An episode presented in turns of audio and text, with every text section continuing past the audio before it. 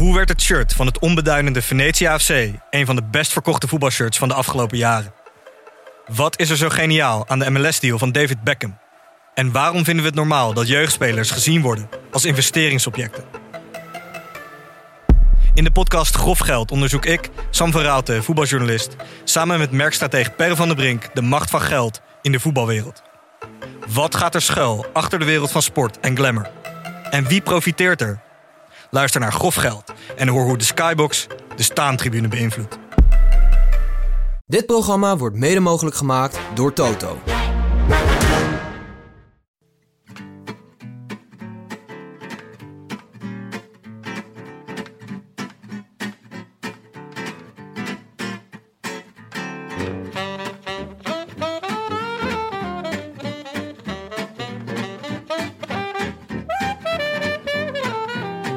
Is maandag 13 juni. 86 dagen na rug en live vanuit de Dag en Studio's is dit de Rode Lantaarn.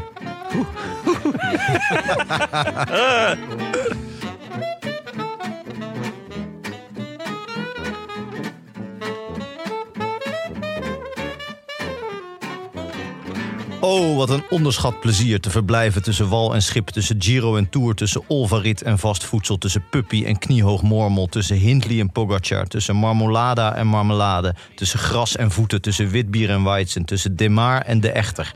Tussen Budapest en Kopenhagen. Eenmaal aangekomen in wat van een afstandje een maagdelijk windstiltegebied lijkt, blijkt het aan één stuk door te stormen. Dauphiné, Zwitserland, ZLM, Slovenië. Nooit lijken overwinningen meer een voorbode dan overwinningen behaald in juni. Nooit lijken uitslagen meer een aanloop. Nooit lijkt het eerste gewin meer op kattengespin dan in die eerste weken van juni. Alles waarvan je weet dat het in principe nooit gaat gebeuren, kan nog gebeuren. Tussen Giro en Tour. Precies halverwege twee plekken waar je wezen wil. Arrivederci maggio. Bonjour juillet. Oh. Tussen Puppy en kniehoog mormel, ja.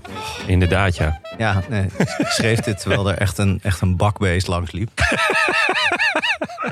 Jonas Riese, Frank Heijnen. Tim de Gier. In de coulissen, Amaike. Joe. Hallo. Ja, coulissen. Een heel klein wandelgangetje. Zo klein. Ja. Eh, we zitten in het interbellum, zoals Ja. Frank al eh, zegt. Hoe, eh, hoe bevalt dat? Heb je al, jou- jouw hele ritme valt weg. Hè? Nou ja, lekker, lekker dansen. Dansen op de vulkaan. Gewoon, dat Ja? is de Roaring Twenties toch nu? Dat is het interbellum Ja, wat mij betreft wel. Nee, er is ontzettend veel koers. Dus ik, en ik, ik heb gek genoeg meer tijd dan, dan tijdens de Giro. Of meer tijd en ruimte om, om te kijken. Misschien ook omdat het iets later begint. Eh, de, de, de koers. Dus meestal begint de uitzending pas rond drie uur, half vier. Ehm, dat ik daarvoor dan eh, al van alles eh, heb gedaan. Ik weet niet wat. had kunnen doen. Ja, Lekker ontbijten bij het begin van de... eh, ja, De ja, heerlijk. Mooi. Nou, ik, eh, ik moest hier een beetje aan denken, want ik zat dus, eh, ik zat dus gewoon niets vermoedend, weet je wel, bij de tandarts in de wachtkamer. Oh, Denk, was het weer zover? lees eens een tijdschriftje, ligt een tijdschriftje op tafel. Ik sla dat tijdschriftje open. Oké. Eerste beste artikel gaat over de lifestyle van Jonne. dat is me toch wat. Hier, ik zal het voorlezen. Voor mijn podcast, dit gaat over burn-outs en zo, mensen die te hard werken. Nou, Ik ben dan zeg je, heel benieuwd waar dit heen gaat. Maar één kandidaat is. dan zeg je Jonne.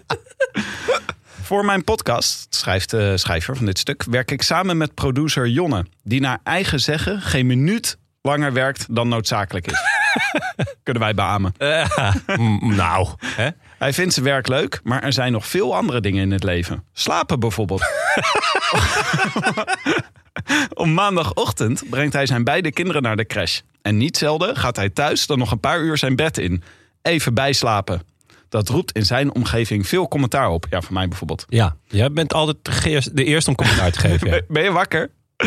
Want dat doe je toch niet, tussen aanhalingstekens. Waarom niet, vraagt Jonne zich af. En ja, waarom eigenlijk niet? Hoe fijn is het om niet altijd maar met werk bezig te zijn?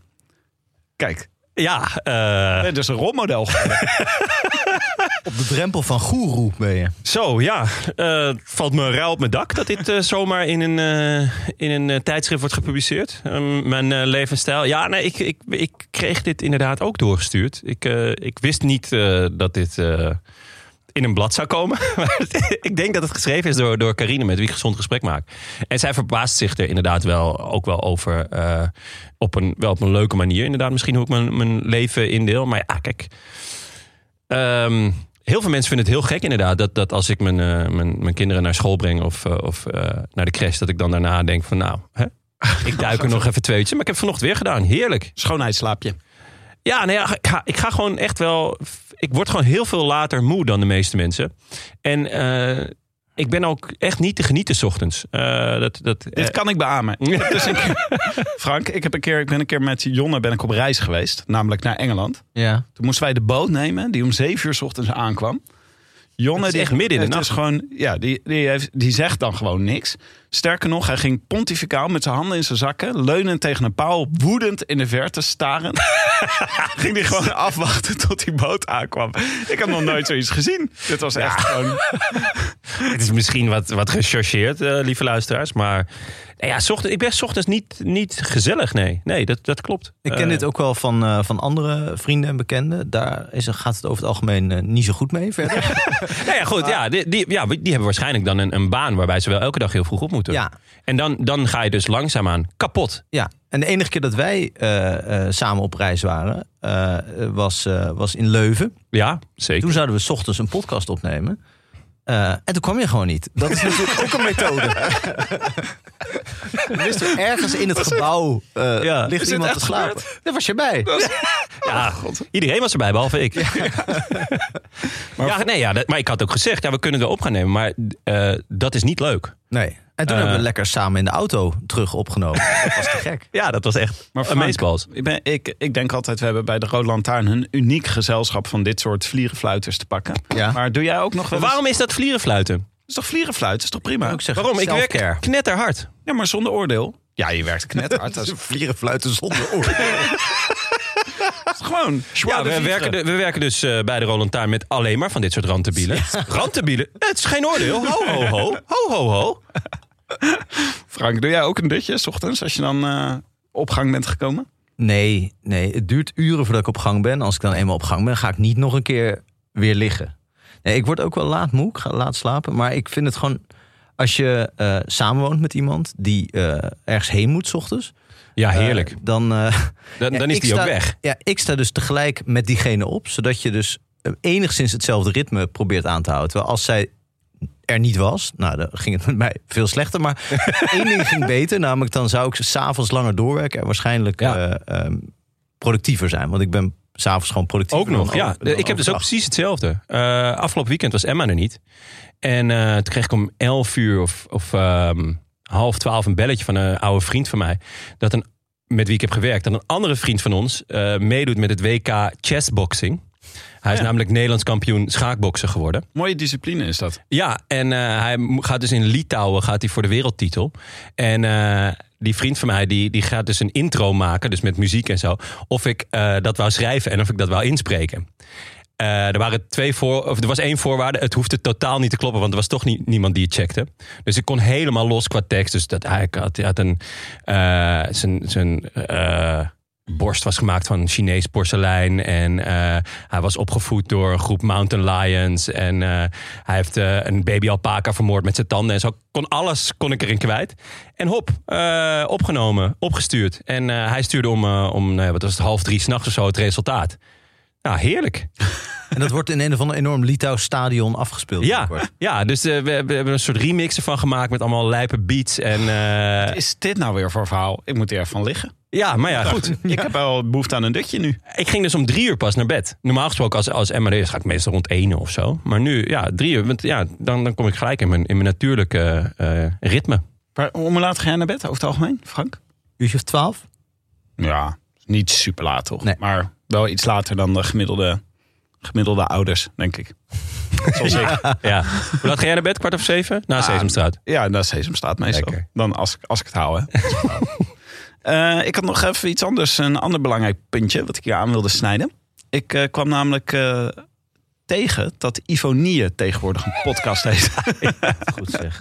ja, ik dacht, dat moeten we even bespreken... voordat we over de koers gaan praten. Ja, het is, eh, ik heb hem geluisterd ook. Wacht even hoor, want even voor de luisteraars die niet kennen... de podcast heet Je Derde Leven. En de beschrijving is: In je derde leven praten Ivonie met bekende en onbekende Nederlanders over wat de kansen, maar ook de valkuilen zijn voor de laatste 10, 20, soms 30 jaar van je leven. Nou, Jonne, jij zit zeker in de laatste 30 jaar van je leven. Ja, het begint dus, Dus inderdaad al heel optimistisch. Wat misschien wel de laatste 10, 20 of 30 jaar van je leven zouden kunnen zijn. Hij, ja, het is echt genieten. Het is echt, eh, ja, je Ja? weet, ik ben groot Ivonie-fan. Ik heb meerdere uh, eh, paraphernalia. Heel lang eh, een, een telefoonhoedje van Ivonie gehad. En ik heb een trui en een t-shirt. En, eh, Ja, hey, even over die podcast. nou ja, die podcast, die, ik heb hem dus ook geluisterd gelijk. En aflevering 1, het, zo- het begint heel sterk. Hallo, ik ben Ivonie. nou, dat, dat weet je al gelijk van, oké, we zitten echt... Zitten er gewoon vol in. Hij ging dus. Oh, eh, en, en dan komt er dus. En dit is je derde leven. En dan komt er dus een teaser van het gesprek. En hij ging dus in gesprek met de CEO, volgens mij van Heineken. Oud-CEO van Heineken. En de teaser van het gesprek is. Dus van. Oké, hier ga ik mensen mee binnenlokken. Is dat die man zegt. Ja, goed, dan, dan stop je. En dan, eh, dan heb je ineens geen chauffeur meer. En, en eh, ja, je weet niet wat zo'n man allemaal doet voor je eigenlijk, hè?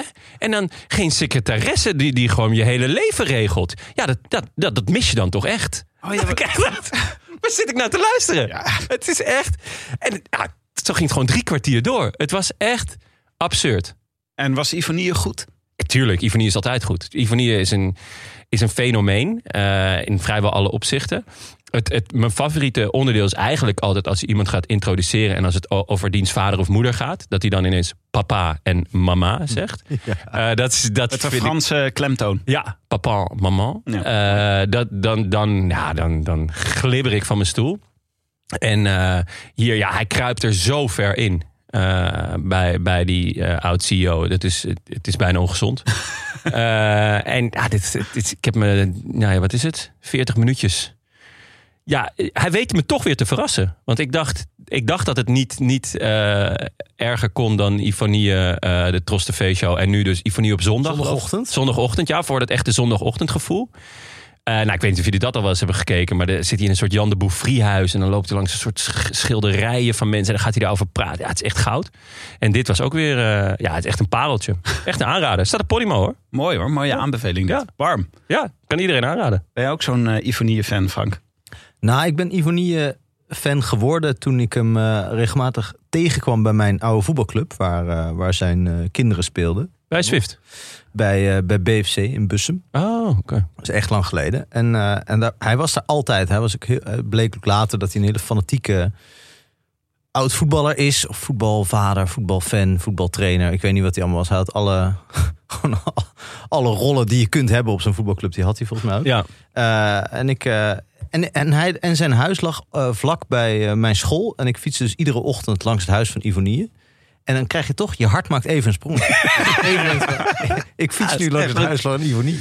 Ja. Dat zijn eigenlijk, dus ik ben nooit, eh, ik ben altijd een beetje one handshake away gebleven. Maar dat lijkt me ook het beste. Maar dan heb je natuurlijk die podcast niet geluisterd. Want jij bent al zo close met hem, dat heb je helemaal niet nodig. Ik ken zijn heg heel goed. Ja, dus dan kan, de vraag is of je zijn ziel dan ook nog hoef, eh, moet willen leren kennen. Nee, ja, ik wil die podcast wel luisteren. Maar ja. ik voel me nog niet heel erg aangesproken door het format van een CEO van Heineken. Die gaat vertellen wat ik met mijn pensioen moet doen. Want dat, zo, daar, daar komt het toch feitelijk op neer, of niet? Dit is waar de mensen op wachten, Frank. Ik Ja. weet niet hoe, hoe Ivonie het leven in delen heeft gehakt. Want komt er ook nog een vierde leven of is dit? Ik hoop het. Ik Wat kan het alleen maar tweede hopen. leven dan De, onderhandelen, de onderhandelingen over Ja. het volgende seizoen zijn nog bezig, denk ik. Ja, je zegt denk ik, maar ik neem aan dat je aan die tafel zit. Eh, Nee, ik heb hier, ik heb hier niks mee te maken. deel? Dus, nee. je wou- zou willen dat je het verzonnen had eigenlijk. Ja, want het, is, zo- is, het staat als een huis, dit concept. Oké, genoeg over de belangrijke dingen des levens. Ja. Laten we het over de koers hebben.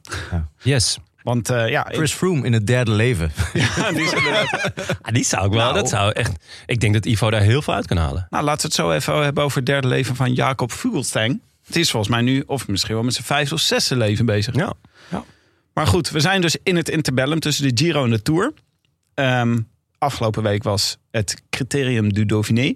Formerly known as Dauphiné Libéré. Oftewel de ronde door het voormalige graafschap Dauphiné. Ja? Leuk. Je bent even de, even de geschiedenisboek ingedoken. Kleine broertje van de Tour. Ja. Eh, het is eigenlijk helemaal geen criterium. Dat vind ik nog het meest curieuze van dit hele criterium du Dauphiné. Ja, Ik wat- noem het dan niet criterium. Het is volgens mij een criterium van de krant Dauphiné Libéré, toch ooit? Oh. Dacht ik. Ja, daar, daar Ik weet niet wat de criteria van criterium zijn. Kijk. Hey. Ja, dat weet ik gewoon niet. Klasse. Oh, je hebt- Klinkt uitgeslapen hoor. Ja, dat is wel heel uitgeslapen. Maar Iemand die eigenlijk, antwoord gegeven? eigenlijk is deze, eh, deze koers is eigenlijk een beetje een goede voorspeller altijd voor hoe mensen het in de Tour doen. Maar ja, dan kijk je naar vorig jaar. Port, Dushenko, eh Thomas. Geraint Thomas. Nou, dat werd hem in de Tour allemaal niet echt. Nou, Lutsenko. Lutsenko werd zevende. Ja, zevende. Kijk, als Ja. Louis Mijntjes zevende wordt, dan, eh, dan zitten jullie weer eh, die goed. eh zien Nou ja, ik vond het wel opvallend hoe, hoe goed Lutsenko hier vorig jaar was. Eh, en nog opvallender hoe goed hij het jaar erop, of eh, de, vervolgens in de Tour was. Maar nee, ja, het is een beetje de keuze. Hè? Ehm, Zwitserland of Dauphiné. Dat is altijd een beetje eh, de twee grote voorbereidingskoersen. Maar inmiddels heb je ook de Ster ZLM Tour waar de meeste sprinters naartoe gaan. Of de ronde van Slovenië waar alle Slovenen naartoe gaan, behalve Roglic. Ehm, dus ja, en, en heb je volgens mij ook nog de Boloise Belgium Tour deze week.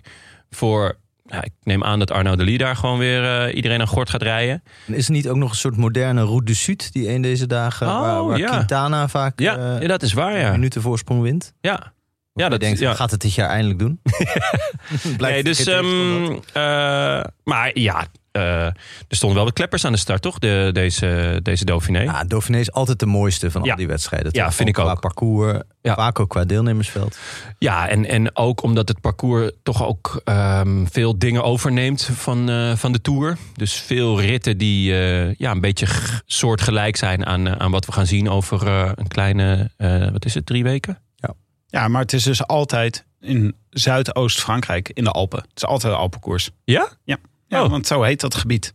Oké. Dauphiné. Of het, eh, zo heette het. Tringelingeling. Oh. Belletje. Oh, Ja. Een criterium is een wielerwedstrijd van meestal korter dan 100 kilometer. Nou. Die uit veel kleine, vrij kleine rondes bestaat. Hmm. Criterium wordt ook wel rondje om de kerk genoemd. ja. Ja. Nou, Nou. is nog een kerk, nog een klein rondje. Dus, en er staat ook, dit is eh, volgens onze taal, dat een criterium eh, zich vaak kenmerkt omdat het parcours van ondergeschikt belang is. Nou, ja, dat is de geldt in de Dauphiné.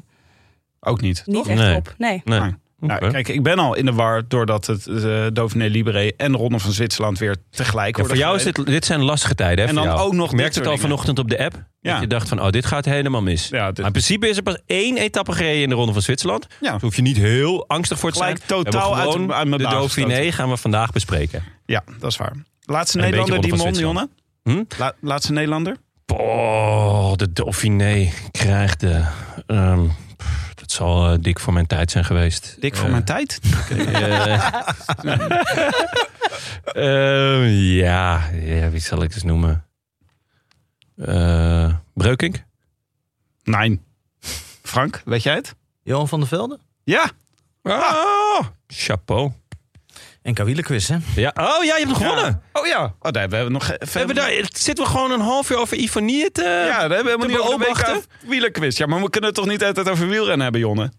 Ja, ja, nee, ja, dat is helemaal waar. Daar heb je helemaal gelijk in. Wie zat er bij je, bij je in het team? Nou, ik heb een eh, heel bescheiden bijdrage geleverd in een team waarin eh, ik zat met eh, Robert de Rijk, Menno Haanstra, de eh, biograaf van eh, Fabio Jacobs en Julius van den Berg. Komt eind van het jaar een mooi boek vanuit. En, eh, en Robert werkt bij de NOS. En Michiel Elijzen, ex-renner en zijn ploegleider. En geen ik moet kleine namen. Michiel Elijzen, diep onder de indruk. Van, Ja? eh, ja, er waren, allemaal oude shirtjes zonder sponsor uit de jaren 60 en 70. En hij zat dat een beetje nonchalant allemaal weg te schrijven. Ja? Ja. Ja, vriend van de show, hè? Dan zie je toch, toch die kwaliteit kwam al boven. Ja, ja voor, voordat hij hier kwam wist hij niks. Ja. We hebben hem alles geleerd. Maar met zo'n eh, opstelling moet je hem eigenlijk ook wel winnen, hè? Ja, er waren ook mensen uit België gekomen. Het was in Utrecht. Oeh. Toen dacht ik, ja, dat klinkt, Zo'n siddering door de zaal. dat klinkt Ah, dat meteen Belg. intimiderend. Ja, kwamen ze ook aan met zo'n tasje van de Delhaize of zo. Om gelijk te laten zien van ja, we komen uit België. Eh, Speciaal biertje. Nee. nee, meestal, meestal zie je gewoon wel. Ja, je ziet het eigenlijk gelijk. En dan zie je ook nog wel of het een Vlaming is of een Waal. Hè? Ja, nee, maar ik heb het idee dat Vlamingen gewoon per definitie meer weten. Zeg maar de, dat vrijwel iedere Vlaming meer weet van wielrennen dan de meest wetende Nederlander. Ja. Eh, maar dat hebben we even gelogen straft. Lekker hoor. Ja. Nice, gefeliciteerd. Dankjewel. Was, Well eh, was vorige week. Ah, dit is echt iets met België. Ik zat, ik zat ooit in de jury van de Gouden Boeken-El. Dat is de Vlaamse literatuurprijs. Ja.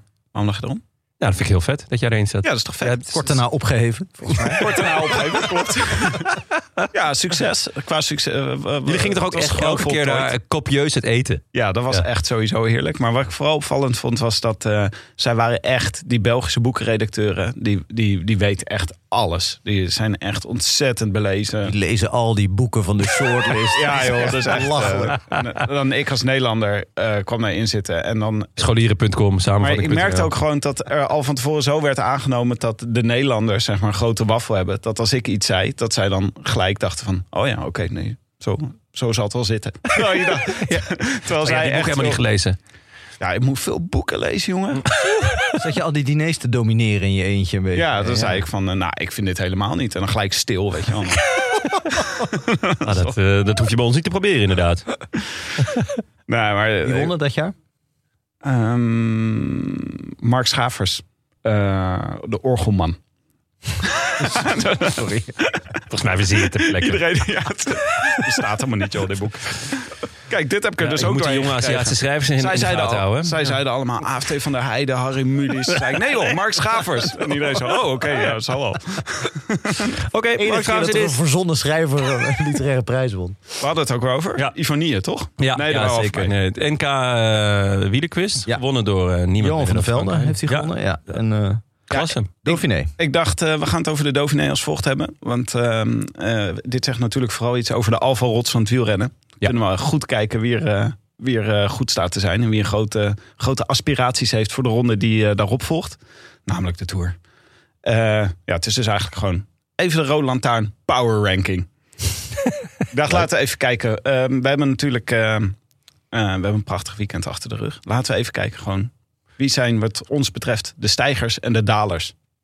Naar aanleiding van deze uh, Dauphiné. Nou Jonne, laten we beginnen met uh, de meest voor de hand liggende. Jumbo-Visma. Ja, uh, die hebben gewoon laten zien dat ze in orde zijn, lijkt mij. Um, Kruiswijk was ontzettend sterk. Van Aert was um, naar behoren. Roglic was zaterdag heel goed. En Vingegaard was zondag heel goed. Um, ik denk dat dat een beetje de samenvatting is. Uh, het is natuurlijk wel een beetje kijken van oké, okay, uh, wie, wie wordt er derde? Dat is Ben O'Connor. Die was ook heel duidelijk uh, in vorm. Um, was vorig jaar vierde. Best verrassend dat O'Connor toen vierde tour, was in de ja. Tour. Um, maar ja, dan kan je wel zeggen van oké, okay, in hoeverre is dit nou tegenstand? En die had een paar minuten cadeau gekregen toen, hè, geloof ik. Ja, in, de, ja, in een ontsnapping. In een ontsnapping, waardoor hij zo hoog bleef staan eigenlijk. Maar nu heeft hij, heeft, O'Connor heeft duidelijk een stap gemaakt. Maar uh, is gewoon goed. Hij heeft niet, geen last meer van zijn knie. Uh, zoals in Baskeland. Uh, zijn punch was zaterdag echt indrukwekkend. Die, die laatste paar kilometer. Waarbij hij wegreed bij iedereen. Maar eigenlijk waar je voornamelijk naar moet kijken, denk ik, is het, um, het ploeg, de ploeg in zijn, in zijn geheel. Dus, um, dus kwamen vorige week met een longlist. Uh, blijkbaar was toch nog niet iedereen zeker van zijn plek uh, die ze aan het begin van het jaar eigenlijk al hadden vergeven. Het is, een beetje, het is wel interessant ook omdat een keer bij bijvoorbeeld een literaire prijs, mocht je nog eens een keer in een jury zitten, Tim, om dan eerst de shortlist te maken en dan een paar maanden later pas de longlist. dat, dat, ja. Zo doet Jumbo het nu. Ja, ja. Uh, opeens blijken al die renners die al naar de Tour zouden gaan... niet per se naar de Tour te gaan een paar weken van tevoren. Nee, apart. die moesten toch gewoon nog wel even laten zien van... Hey, uh, uh, en, en nog steeds, want dat zal deze week in Zwitserland niet anders zijn... moeten ze gewoon vormbehoud tonen. Maar ja, er hebben nou natuurlijk ook gewoon een aantal jongens... echt indruk gemaakt in het voorjaar. Iemand als Laporte en Benoot. Benoot, ja. Ja. ja. Maar wacht even, want Zeeman die zei... het ging niet alleen maar om te kijken wie er nu goed zijn... Maar vorig jaar hadden ze ook wat uitval, vlak voor de Tour. Onder meer door corona. Ja, nog steeds. En corona is nog, is... nog steeds alive. In, in het, uh, het is nog steeds met continu testen en mondkapjes en protocollen. Dus ja, op het moment... Noorwegen weer, ja, volgens mij een paar Hadden ze ook weer een paar maar gevallen. Ze, maar dus ze denken, de strategie is nu om veel renners scherp te laten zijn... en in ja. vorm te laten zijn en klaar te laten staan. Zodat ze in ieder geval een goede ploeg mee kunnen nemen. Niet op het laatste moment verrast worden door... oh, Vingegaard is ziek. Ja, bijvoorbeeld. Ja. ja, kijk, Vingegaard kunnen ze niet vervangen. Laten we wel wezen, die was gewoon echt ontzettend sterk. Hij leek zondag zelfs sterker dan Roglic. Eh Roglic kunnen ze ook niet vervangen, Van Aert ook niet. Eh, maar de jongens die erachter zitten, ja, dat, dat kan toch wel nog steeds wel eh, alle kanten op. Kijk, ehm, je kan ervoor kiezen om, om Laporte of Benoot mee te nemen. Kijk, Van Aert wil ook iemand hebben die, die voor hem iets kan doen in de sprint. Nou ja, dan is Laporte natuurlijk weer wat beter, maar Benoot is dan weer wat sterker bergop. Eh dus elke keer als ze iemand ehm, ja, wegstrepen, dan, dan, dan eh, valt er ook een soort van kwaliteit weg. Dus er zijn een aantal koppeltjes, denk ik, waar tussen het gaat. Want Van Hooydonk staat er ook op. Uh, Teunissen staat erop. Eh, Laporte, eh, Rowan Dennis.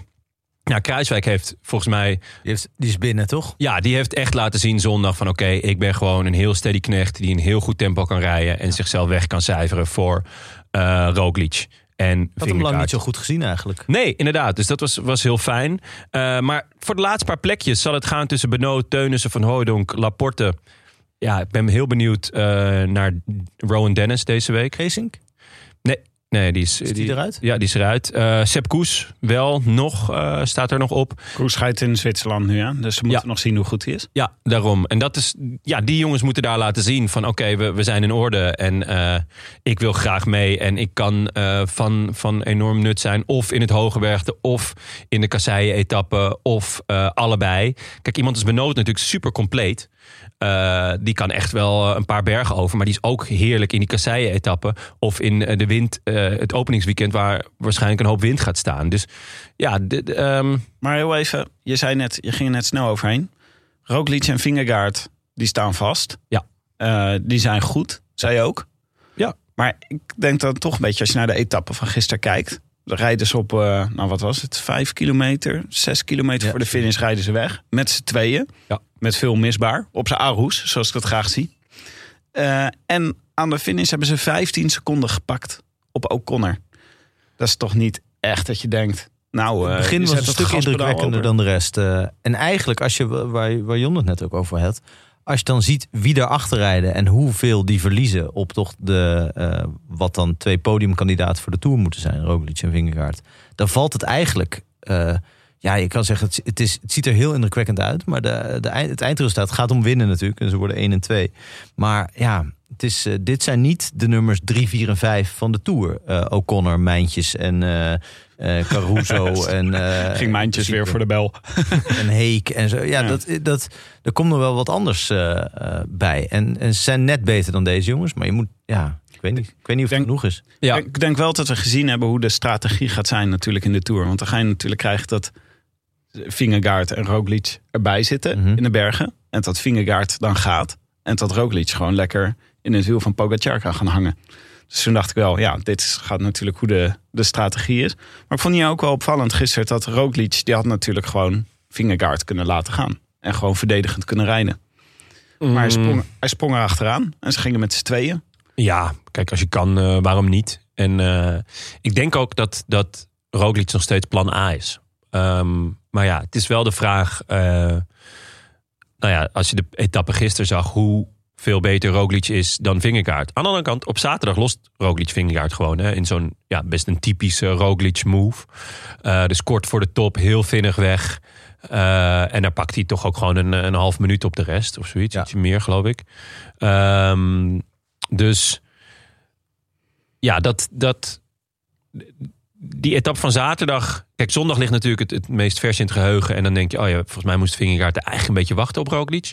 Op één kilometer ongeveer. Ja, hè, was zoiets. En, en dan kijk je inderdaad van, oh, en O'Connor zit eigenlijk op 15 seconden. Hm, valt, valt me een beetje tegen. Mhm. Aan de andere kant, de dag ervoor rijdt Roglic iedereen binnen nou ja, anderhalve kilometer op meer dan een halve minuut. En dan denk je wel weer van, oh ja, hij is, hij is in orde. Het is alleen continu de vraag, ja, is, is dit genoeg tegen, tegen Pogacar?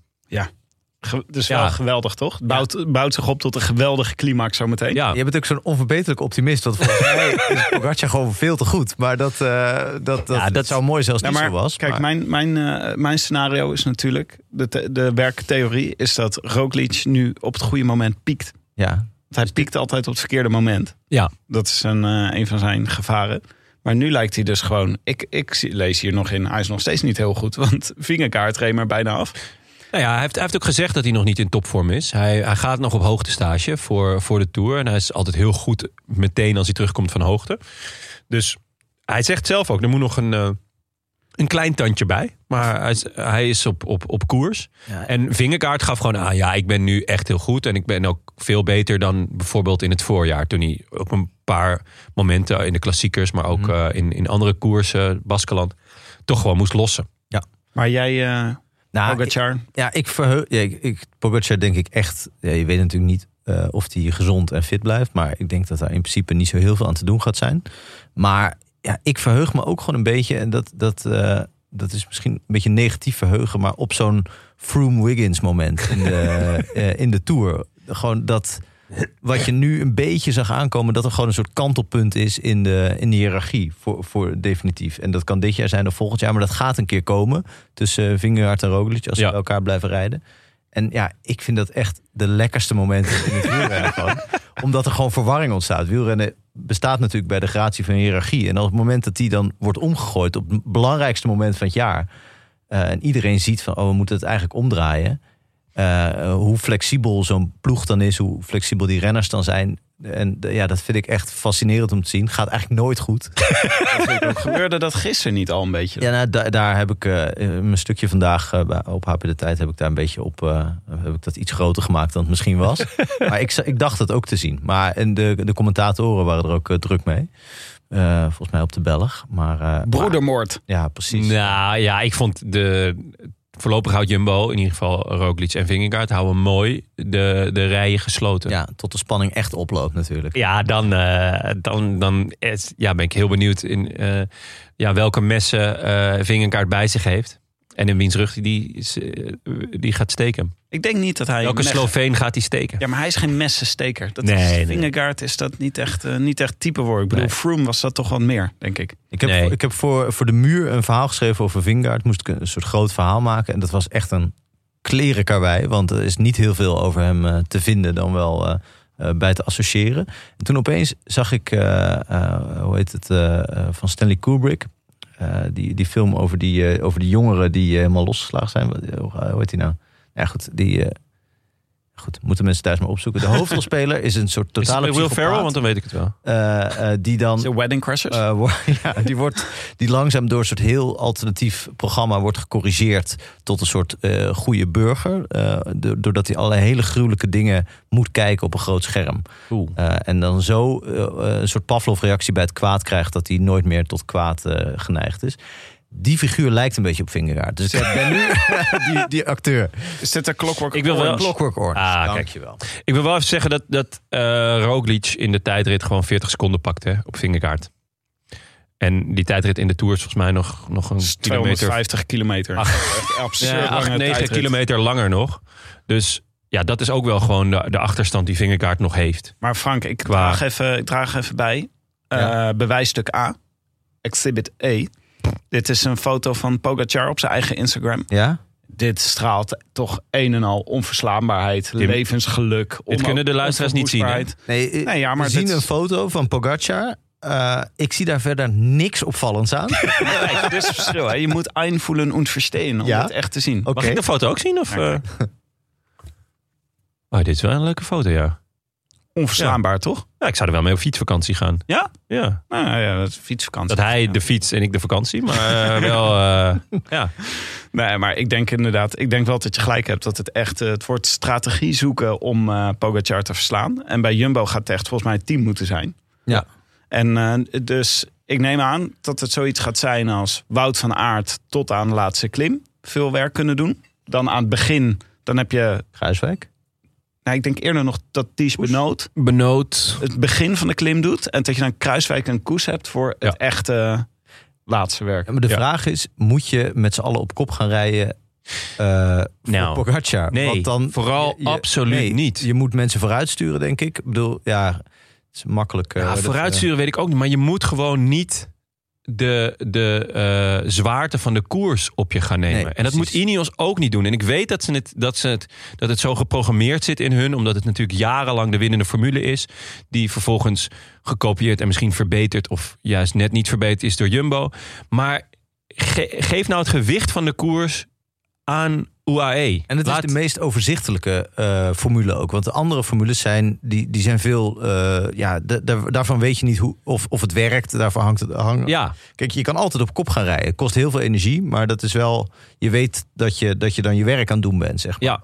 In Je andere neemt je verantwoordelijkheid. Ja, precies. Maar de vraag is of dat tegen een sterkere tegenstander ook maar iets uithaalt. Ik, Ja. Lijkt me niet eigenlijk. Nee, je Ik zou rijdt- zeggen, je laat al het werk aan UAE om te beginnen. ja, Dus het treintje, gewoon van Pogacar denken dat je hem kan slopen door eh, hard op kop te gaan Nee, rijden, dat, dat- werkt, gaat gewoon Nee, niet je sloopt eerder jezelf dan Pogacar in Ja, principe. want Poga zit lekker in het wiel en gaat in een zetel eh, richting, eh, richting Parijs. Dus ik zou, nee, en ik zou ook gewoon lekker mensen als Koes en Kruiswijk gewoon lekker heerlijk laten sparen eh, de, de, tot, tot, tot de derde week. En dan eh, eh, kijken wat ze voor je kunnen betekenen. Inderdaad, misschien in een ontsnapping of... eh, En echt kijken hoe Of- lang je twee man eh, In de buurt van Pogacar aan het klassement kan houden. Zodat Ja, je daar ja. dus mee kan eh, spelen. Ja. Maar Wacht, er zijn ook nog alternatieven tussen verstoppen en eh, als ze op kop gaan jakkeren.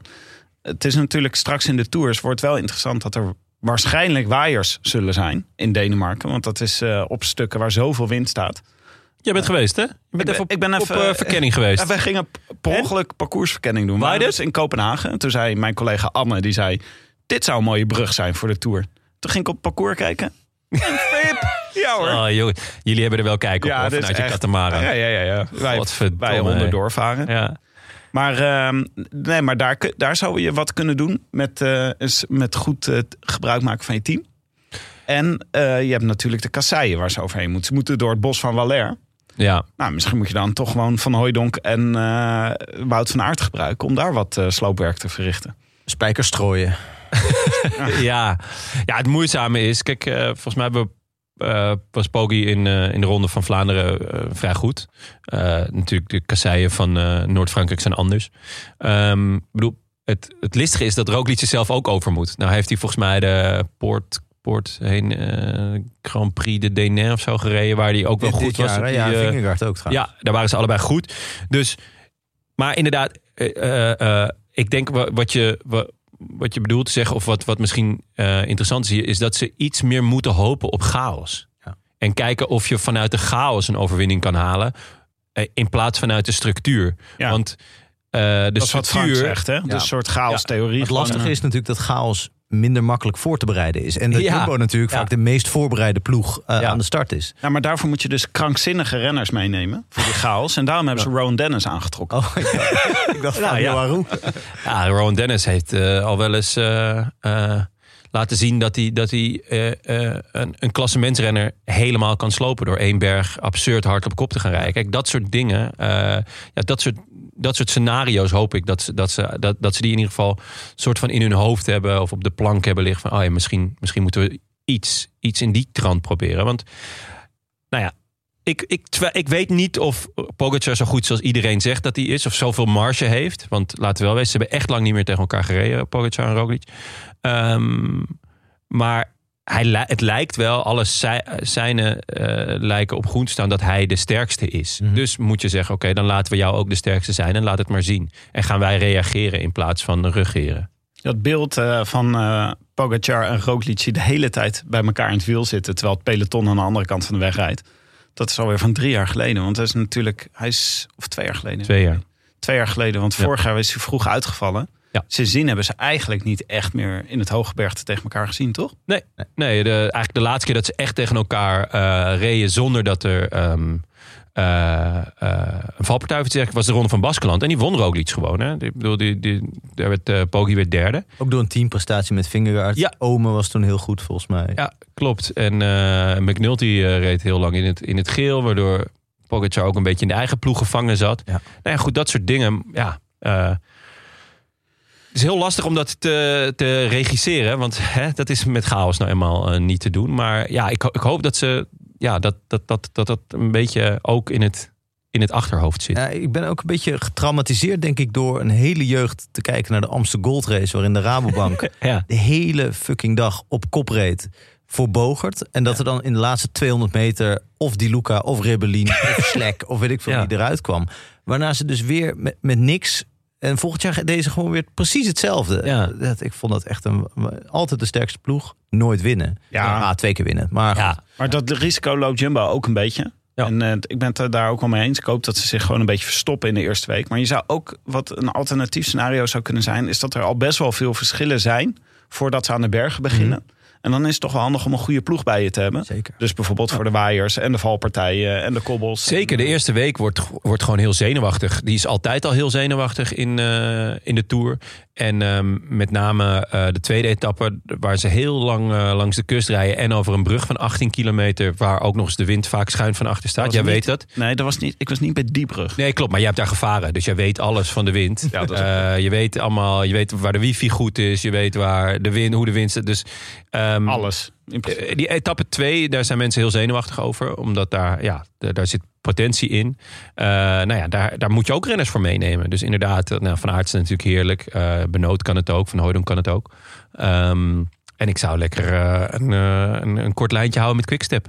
Waar komt UAE mee in, de, in die categorie renners? Zeg maar, wat, wat, wie, Ja, dat is ook wel een behoorlijk leuke vraag. Eh UAE. ook voor dit werk. Ze hebben toch? Bennett en, ehm en eh, Eh, Brandon McNulty voor het Hoogberg. Ja, Egert Staken-Lengen. eh, in, in Kopenhagen inzetten nog. Trentin. Oh ja. Bjerg. Hirschi zou het ook wel moeten kunnen. Ja. Eh, Staken Lengen. Ja, ook wel. Ja, maar het is in principe zijn, net wat minder dan de, Ja. de massa waarmee eh, eh, Jumbo in theorie dat zou kunnen aanpakken. Ja. Zo'n zo'n etappe. Nou ja, in de power ranking heeft ehm, eh, in, of Jumbo zich ook al zelf bovenaan geplaatst. Want Roglic zei ook gewoon na afloop... Ja, ik begrijp wel dat wij de favorieten zijn. Ja, Nou, ja. Hoeft dat mij mag ik altijd wel graag horen hoor. Ik bedoel, eh borst vooruit, kin omhoog. Ja. Wij zijn de beste. Maar ehm, En andere, ik hoop andere wel dat ze meer tactieken hebben dan alleen knethard op kop gaan rijden. Ja. Want dat, dat heeft nu wel Hebben ze in 2020 een keer eh, geprobeerd. En eh it didn't work out. knetter op, knetterhard op kop rijden. Nou, Ja. Geesink gaat niet mee. Dat scheelt dan ook. Eh, andere plusjes. Ben O'Connor. Ja, we hadden het er net al even over. Ja, toch wel echt een bevestiging. Ehm, ja, wel leuk. Ik ben eigenlijk stiekem wel fan. Eh, hij was ooit, eh, stond hij eh, er vrij goed voor een paar jaar geleden in de Giro. En toen viel hij knetterhard, terwijl hij op weg was naar een top 10 notering. Toen dacht ik, oh, dit wordt wel de next... Ja, eh, ja, De next O'Connor. de next O'Connor. Nou ja, gewoon een, een, een, leuke renner die, eh, die lekker mee gaat doen. En toen is hij eigenlijk één of twee jaar een beetje van de, ja, van de radar. Mhm. En vorig jaar was hij ineens in de Tour. Was hij gewoon weer... ja, gewoon eh, mede door een lange ontsnapping was hij, reed hij eh, nou ja, top 5. Hij werd gewoon vierde, dat had ik echt nooit verwacht. En hij zegt zelf het beter te willen doen nog dan, eh, dan vorig jaar. Dat lijkt me sterk. Maar ja, laten we wel wijzen. Hij was echt goed afgelopen week. Eigenlijk elke keer dat het omhoog ging, was, hij, was hij na de mannen van Jumbo gewoon de beste. Ja, een goede klimmer van AG Deuzer. Ik bedoel, Dat mag in de krant. Ja, dan, eh, Ja, goed. sowieso een goede... wat- Die renner van AG dus. Ja, Ja, ja. iemand die wat presteert. Ja, ja Cosnefroid. Maar eh, Ja. mag ook niet heel veel naam hebben. nou, Eh, zal ik eens even kijken naar zijn ondersteuning dan? Die hij weer meeneemt naar de Young? Bubbles. Cosnefroid. Ja? Young Bubbles. Ja, tenminste, ik neem aan dat hij wel mee mag. Ja, Cosnefra. Die verdient rammend veel geld. Eh. Nase, ja. Paré- Paré-Pentre. Leuke renner. Ja, mooie naam. Hè? naam? Ja. Krek. Ja. En Bou- Bouchard. Ja. Nou, Zoals dat heet, op papier is het een goede. kan je wel wat mee. Jawel. Nee, maar het was echt verbazingwekkend hoe lang hij mee kon. Want inderdaad, vorig jaar bij de Tour heeft hij gewoon veel tijd gepakt door met ontsnappingen mee te zitten. Ja, En nu maar dat was wel in, echt- in de tweede week. En in de derde week heeft hij eigenlijk eh, gewoon Geconsolideerd. Ja. En dat was gewoon goed. Ja. Dus ehm, ja, Over consolideren gesproken. Toch maar plusje bij Louis Mijntjes. Want Ja. die had weer echt de boel aan gort geconsolideerd. hè? jongen, jongen. Nou ja, eh, het is een beetje hetzelfde verhaal als, eh, als eh, O'Connor. Die is ook wel gewoon wel een paar jaar van de radar geweest, toch? En ik bedoel, hij- we maken altijd grappen dat hij dat achtste werd, maar op een gegeven moment werd hij gewoon 58ste. Eh, en nu, ja, eigenlijk nu is hij zesde. Nu is hij zesde. Ja, ehm, Dat zie, ik zie daar een, een lijn omhoog. ik zie een eh, enorme lijn omhoog. En eh, eigenlijk is het geen, geen eens een verrassing meer. Want, eh want die is gewoon ontzettend eh, goed bezig. Verbijsterend goed Echt bezig. verbijsterend Maar goed steeds- bezig. want ze reden, ik weet niet in welke koers dat was, dat ze eh, eh, daar, daar reden ook weer drie. Volgens mij in die wedstrijd die Hirschi won, die vorig jaar door Ide Schelling gewonnen werd in Kanton Argos, een zware kan- ja, eendagswedstrijd. in, eh, ja, klopt. En er was een kopgroep van vijf met allemaal hele goede renners, Hirschi. En er zaten er ook weer twee of drie van Intermarché bij, die wonnen dan niet. Maar denk je, jeetje, die zitten gewoon overal ja, ze met hun vinger tussen. terwijl ja, tot, tot anderhalf jaar geleden wa- waren ze super blij als ze in de kopgroep zaten. Ja, Maar ik moet eerlijk zijn, de tourploeg van Wanti is niet echt je van hem. wacht Ah, maar die, gaan het goed doen hoor. Ja. Echt Noem eens, noem eens wat namen, zeg ik wel, wel of niet. goed. Louis Mijntjes. ja, top vijf. Top Eh, vijf. Adrien Petit. Twee etappes. Kobe Goossens. Bergtrui. George Zimmerman. Ja, die was, die was dus heel goed. Ja, die was in, heel goed, eh, ja, zeker. Aargau. Ik, ik, ik zou Eh, eerder zeggen een Duitse schrijver, maar het is eh, Eh, Taak van de Hoorn, etappe natuurlijk. minstens etappe. Eh, en de meest aanvallende renners, rode rugnummers. Eh Pas, Pascalon. Nou, hij Oh, zit heel veel pu- 17 keer top 10. Ja. keer. Christophe? Eh, Ja, Christophe. groene trui. groene trui. Quinten Hermans. Ja, eh, die, dus de nummer twee de van jongere Luik was naar Luik, toch? Ja, ja. eh, de drie etappes. Ik vind het een heel goede, eh, heel goede ploeg, Tim. Nou, Ik weet niet dus waar je het over hebt. Ploegklassement? Ploegklassement, ja. Zeker. kan je schriftelijk afdoen. Oké, even, hebben jullie nog andere plusjes opgeschreven? Ehm, ja, ja, je zou kunnen zeggen Chavez. Maar Ja. ja, nou ja, ik, Nou, het ook was wel weer goed. fijn dat, dat hij in ieder geval weer wat laat zien. Ik, ja, ik was ook Ehm, vergeten hoe dat shirt eruit zag, joh. Ik dacht ineens, wat is dat? Iets roze uit de rond. Ja, die hebben de punten ook verdomd hard nodig. Ja. Want die staan gewoon op degraderen eh, als het zo doorgaat. Ja, eh, de modepunten zijn ieder jaar weer voor IF. Maar Ja. het is eh, ja, bij Chavez is het toch altijd leuk als je die vooraan ziet rijden. Gewoon omdat hij iets, eh iets eh likables heeft. Waarschijnlijk is het zijn glimlach. Maar het is, eh, ja, ik heb wel het idee, als je dus na een vingergaard die top 10 bekijkt van, van eh, Dauphiné. Dan moet je toch zeggen dat het echt een ander niveau is dan, eh, denk ik ook de Ronde van Zwitserland de top 10 gaat worden. Want het zijn gewoon Ja. echt renners van de, van de tweede, tweede Beetje- lijn. Beetje de Mongolenwaaier. O'Connor is. O'Connor zou ik nog niet. Zou ik Een beetje de vlierenfluiters van peloton. willen zeggen. Ja, de rest zijn Nee. allemaal dutjes eh, mensen. Nou ja, Guerrero, eh, Johannessen, die zal over een paar jaar ook wel de Tour winnen. Maar goed. Ja, Johannes, eh, dat is wel een, Groot talent. Een, een groot talent. Ehm, ja, Caruso en Heek, ja, naar behoren. Eh Chavez, leuk dat hij er weer is. Maar ja, die gaat toch ook gewoon weer heel veel tijd verliezen in die tijdrit. Dus Ja. echt, echt een rol spelen gaat het allemaal Ik niet. denk dat zowel Caruso als Kruiswijk echt wachten tot nog eens een keer een grote ronde van drie maanden komt. En dan gaan ze enorm toeslaan. Nou, maar hoe Caruso eraf gereden werd door Kruiswijk, dat dacht ik wel van eh, zo. Nou, Ja. dat, eh, dat zal niet in de koude kleren gaan zitten. Nee. Maar goed, eh, dan gaan we dus even naar eh, puntje dalers Ja. eh, in, de, in de power ranking. Eh, ik denk dat we het eerst even moeten hebben over Ineos. Want ik ben echt benieuwd hoe het op het Ineos hoofdkwartier momenteel met de ploegsamenstelling voor de Tour staat. Nou ja, ik denk voornamelijk eigenlijk naar gisteren. En dan kijk ik niet eens zozeer naar de, naar de Dauphiné. Want daar kwamen ze niet, eh, eh, nou ja, met de Mongolenwaaier, om jouw woorden te gebruiken. Met, misschien met de B-garnituur. Kegenhard viel in de Dauphiné best mee eigenlijk. Vond hem best oké. Maar ehm, Daniel Felipe Martinez, in mijn ogen hun sterkste man eh, komende Tour. Die eh, moest 51 seconden eh, laten op Steven Williams.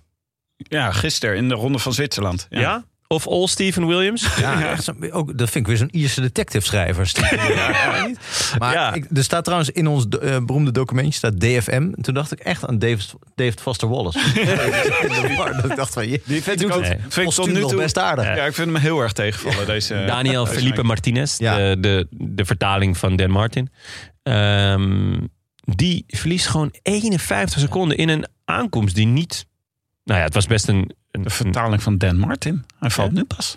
Jeetje, Tim. Tjonge, jongen. Luister je überhaupt wel eens Ja, dat ben- ja. naar wat ik zeg? Nou ja, soms elke Alles keer. wat ik zeg is belangrijk, hè? Dat Maar weet je. elke keer denk ik weer, je verrast me gewoon. Positief. Maar- ik zet jou bij de plusjes. Jonne, jij was tot vandaag, had je, of tot gisteren waarschijnlijk, had je een vrij onverwoestbaar vertrouwen in eh, DFM. Ja. Eh, ik, ik was me ook al nooit helemaal duidelijk waar dat nou op gebaseerd was. Want hij heeft nooit podium, ik denk ook nooit Kennis top vijf in een compleet. grote ronde. Ja, ik heb het idee dat, Vorig jaar vijfde. dat jouw vingerspitsen In, eh, een beetje af zijn geslagen. Terwijl je de rest een ver- eh, verlamming in de... Ja, hij is vorig jaar 50 geworden als knecht van eh, Bernal Ja. in de Giro. Toen moest hij, eh, nou ja, moest hij hem nog aanmoedigen en eh, duwen. En, eh, Dat kan hij zeggen- heel goed, hè? Dat Ja, aanmoedigen. Aanmoedigen. Ja, Ah, ja, ja. ja. Kom aan, karamba. Nou, je- het, het is, het is gebaseerd op, op, op zijn Anderlecht. prestaties Ah, dit seizoen. En dan met name eigenlijk de, de, de, de zwaarste koers van de week is Ronde van Baskeland. eh, die die wint. Eh, en daar was hij gewoon eh, ontzettend goed. Eh, en, maar, en het is ook een beetje bij gebrek aan, aan, eh, aan beter bij Ineos. Ehm, Bernal is gewoon eh, zwaar gewond. Inmiddels heeft hij zijn eerste sprintje gedaan. Nou, dat is leuk. Maar ja, als we... Ik hoop dat het niet alleen een tweestrijd wordt tussen Roglic en, ehm en Pogacar. Maar ook dat, dat Ineos zijn rol gaat spelen. En ja, Adam Yates geloof ik echt niet in over drie weken. Ehm, en, en dan heb ik toch wel meer vertrouwen in Felipe Martinez. Ook omdat hij van, van, van de andere klassementsrenners eigenlijk het meest compleet is. Dus hij heeft een goede tijdrit. Eh, hij kan goed aankomen. Eh, hij, is, nou ja, hij heeft zich bewezen over drie weken dat hij in ieder geval top 5 kan rijden als knecht. En ja, dan is het gewoon afwachten of het, eh, eh, hoe, hoe ver die kan komen deze, deze tour. Ja. Maar ja, je hebt. eh, Nou, ik zou, ik, zou toch, ik zou het toch gek vinden als een ploeg die zo groot is als Ineos... iemand eigenlijk voor het eerst als kopman in een grote ronde laat starten in de Tour... tegen twee van de beste rondrenners van de Ja. laatste tien jaar. In plaats van in de Vuelta een keer Ja. tegen... Ja, ze zeggen ook dat, dat, dat Adam Yates kopman is. Ja. Ehm, Hebben ze niet nog wat meer? Ik bedoel, dat is toch een soort bodemloze put aan rondrenners? Nou ja, wie, wie- ja nee. Nee, eh, Gegen, eh, niet, Sivakov niet. Tenminste, die, die, die gaan het niet doen. Nee, die gaan geen podium. Eh, Carapaz kon Jai Hindley niet verslaan in de Giro.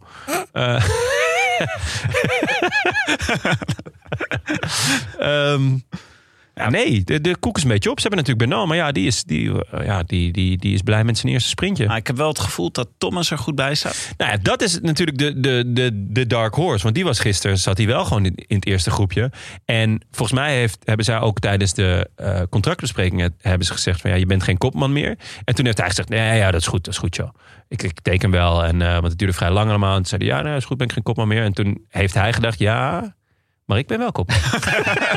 maar bij Thomas is toch het verhaal dat hij na zijn tourzege ongeveer twee jaar lang in de kroeg heeft gezeten? Of en terecht. Ja. Je hebt de Tour gewonnen. Ja, ik, Ja. ik ben in principe, ja, ik heb nooit zoiets groots gewonnen, maar ik heb toch twee jaar in de kroeg gezeten. Eh, dus nee, ik snap het ook heel goed, maar kennelijk lijkt hij daar een beetje van hersteld. Want het is, eh, Hij, zijn, zijn seizoen dit tot nu toe is niet denderend. Maar nu, eh hè, één zwaluw, nog geen zomer. Maar gisteren zat hij gewoon in, de- in de beslissende groep. groep. En hij heeft, Thomas heeft natuurlijk wel echt een hard hoofd. Ja. Ik bedoel, hij, want hij had toen een, een- na zijn toeroverwinning toch de hele tijd in de kroeg gezeten. En toen ging hij toch weer trainen als een malle. En toen was hij toch ineens weer goed in de... Is hij eh, derde of zo? Tweede? ja, inderdaad. In de, in, in de tour daarop. Dus het enige is, volgens mij is hij ook al wel 36. Hij is 36 jaar. En, Maar, ehm, nog, maar, maar, maar, bij zijn praise kan je ook nog zeggen... goede punch. Ja. en dat ga je goed... eh goede Goeie- kasseien. Goede kasseien, goede tijdrit. Kijk, eh, Als het niet waait, hè? Als het waait, dan is dat een wat dramatischer voor Thomas. goede greppelduik heeft hij. eh, nee, op papier eh, is, is Thomas heel compleet. Maar ja, hij is al oud. Hij heeft al een tijdje niet echt meer wat laten zien. Ehm, vorig jaar nog Romandie gewonnen. Dat dan weer wel. Maar ja, dat is ook al weer een jaartje geleden. Ja, ik hoop het. Ik ben echt fan van Thomas. Ehm, en het, het zou heel fijn zijn als, als Ineos eh, naast Adam Yates en Felipe Martinez inderdaad ook gewoon nog wat ervaring. eh, een- ja, een ervaren, ervaren man die ook daadwerkelijk wat kan eh, eh, achter de hand heeft. Want ervaring hebben ze in hun knechten wel genoeg. Ehm, ja, dus, dus eh, ja, het zou mooi zijn als Thomas, als Thomas goed zou zijn. Ja. ik vind het gewoon een ander type renner Ja. dan veel van de, de ronde renners van nu. Dat vind, Ja. vind ik leuk. Een soort, soort van een soort iets oldschoolsachtigs heeft hij. Ja, en, en niet, ondanks dat hij bij Ineos rijdt, hij heeft niet dat, dat, dat saaie Anglo-Saxische. Nou ja, zo'n, ja hij, hij was natuurlijk wel op een bepaalde manier een skybot. Maar met name toen hij de Tour won, vond ik juist dat hij dat een beetje heeft afgeschud. Zeker omdat hij daarna ook gewoon twee jaar lang de kroeg in is gegaan. Ja. En verder, eh, ja, ik dacht, eh Bahrein staat er. Oh, ik vraag me toch ook af hoe ze daar een beetje voor staan. Want dat is toch een van de grote vier ploegen op het moment. Ja. Deze Dauphiné waren ze niet echt eh, geweldig. Jack Hake en Caruso. Ik weet niet of die terugkijken op een eh, zeer geslaagde Dauphiné. Het is toch een beetje een niveau waarvan je zou zeggen... daar zouden ze tot het laatst mee moeten kunnen. En ze konden elke keer net niet tot het laatst mee. Nee, ze moesten eigenlijk gewoon elke keer lossen. Eh, ja, precies wat je zegt. Ik, Caruso eh, is in principe kopman, denk ik, hè? Voor de Tour. met Heek. Terwijl ik denk dat zij samen... eh, samen en, en misschien zelfs ook nog Gino Meder. Maar ja, die moest gisteren ook alweer lossen. Ja. ik dacht, die moest het alweer zingen. Ja, die staat sowieso in het voorprogramma. Dus eh, Dit zou heel slecht zijn voor het Sloveense wielrennen... als die niet meedoen. Eh, ja, Of hebben die nog andere? Nou Ja, nee, die hebben Mohoric. niks. Eh, misschien dat Colbrelli nog eh, een bergetappe pakt. Ja, je weet het niet. Ja, ik weet, niet, ik weet niet, gaat de Tour door Italië? Want dan wordt hij daar onmiddellijk uit koers genomen. Maar ehm, nee, ja. Ja, ja, Bahrein tovert wel vaak rare konijnen uit een hoed. Zoals dus gisteren ineens Stephen Williams. Kenden jullie hem? Nee, ik had echt nog nooit van hem gehoord. Ik- Ik geneerde me een beetje. Ik, ik ook. Ik kijk toch echt best wel veel wielrennen. Jawel, Maar we hebben hem een keer eerder gezien. We hebben hem al... eh, hij schijnt vorig jaar de de ronde van? Kroatië. Kroatië gewonnen te hebben. Dat ik denk, Maar de rest van zijn uitslagen was allemaal tach- vanaf plek 80. Ja. maar dat, ja, nou ja, eh, opvallend. Ja, maar een eh, eentje bij de minnetjes. Eh, weet je wie ook meedeed aan de Dauphiné? Ja. Enric Mas. Ja, Die is dit jaar, geloof ik, 27 keer op zijn snuffert gegaan.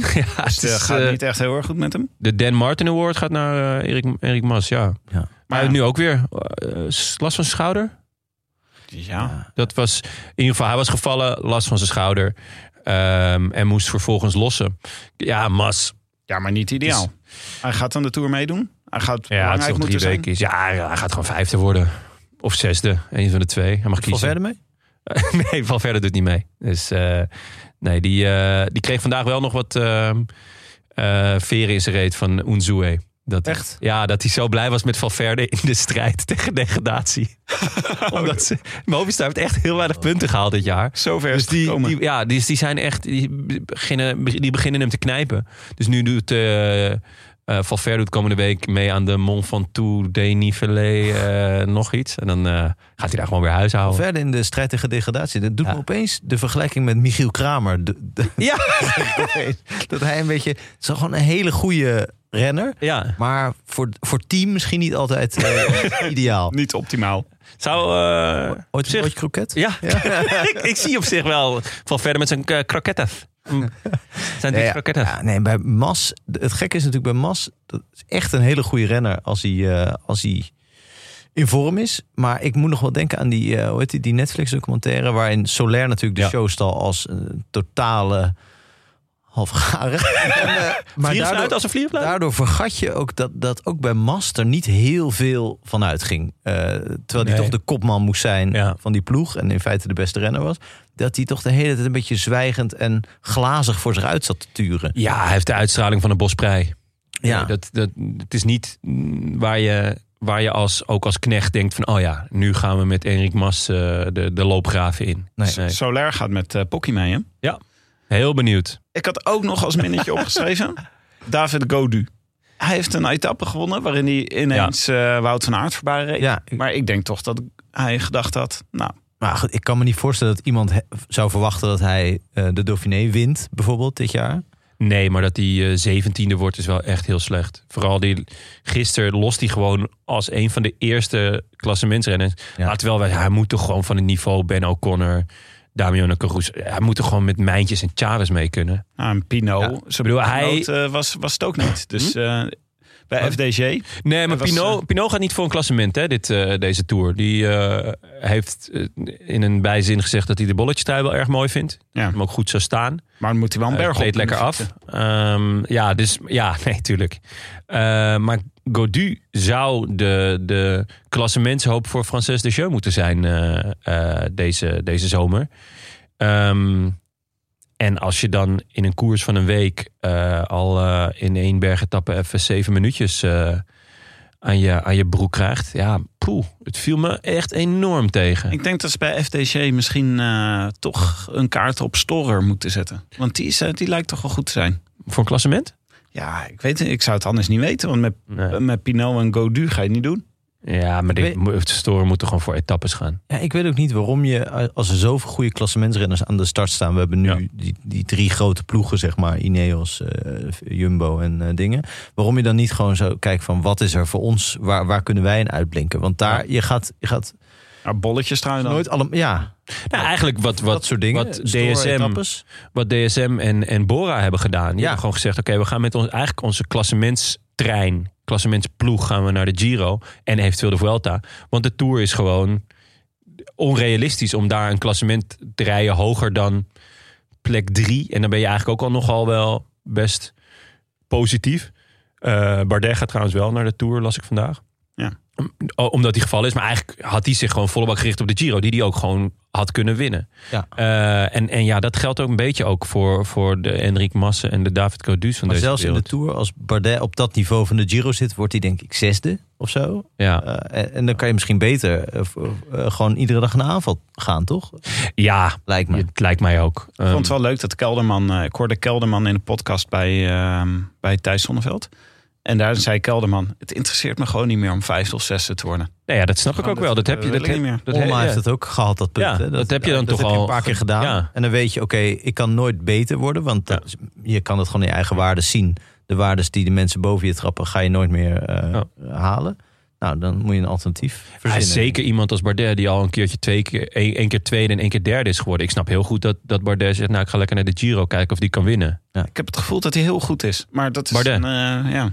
Ja, maar ja, dan nog gaat hij in de tijdrit eh, ruim twee minuten verliezen. ja, Dus gaat, 40 kilometer tijdrit. waar gaat hij die, eh, waar gaat hij die, die goed maken?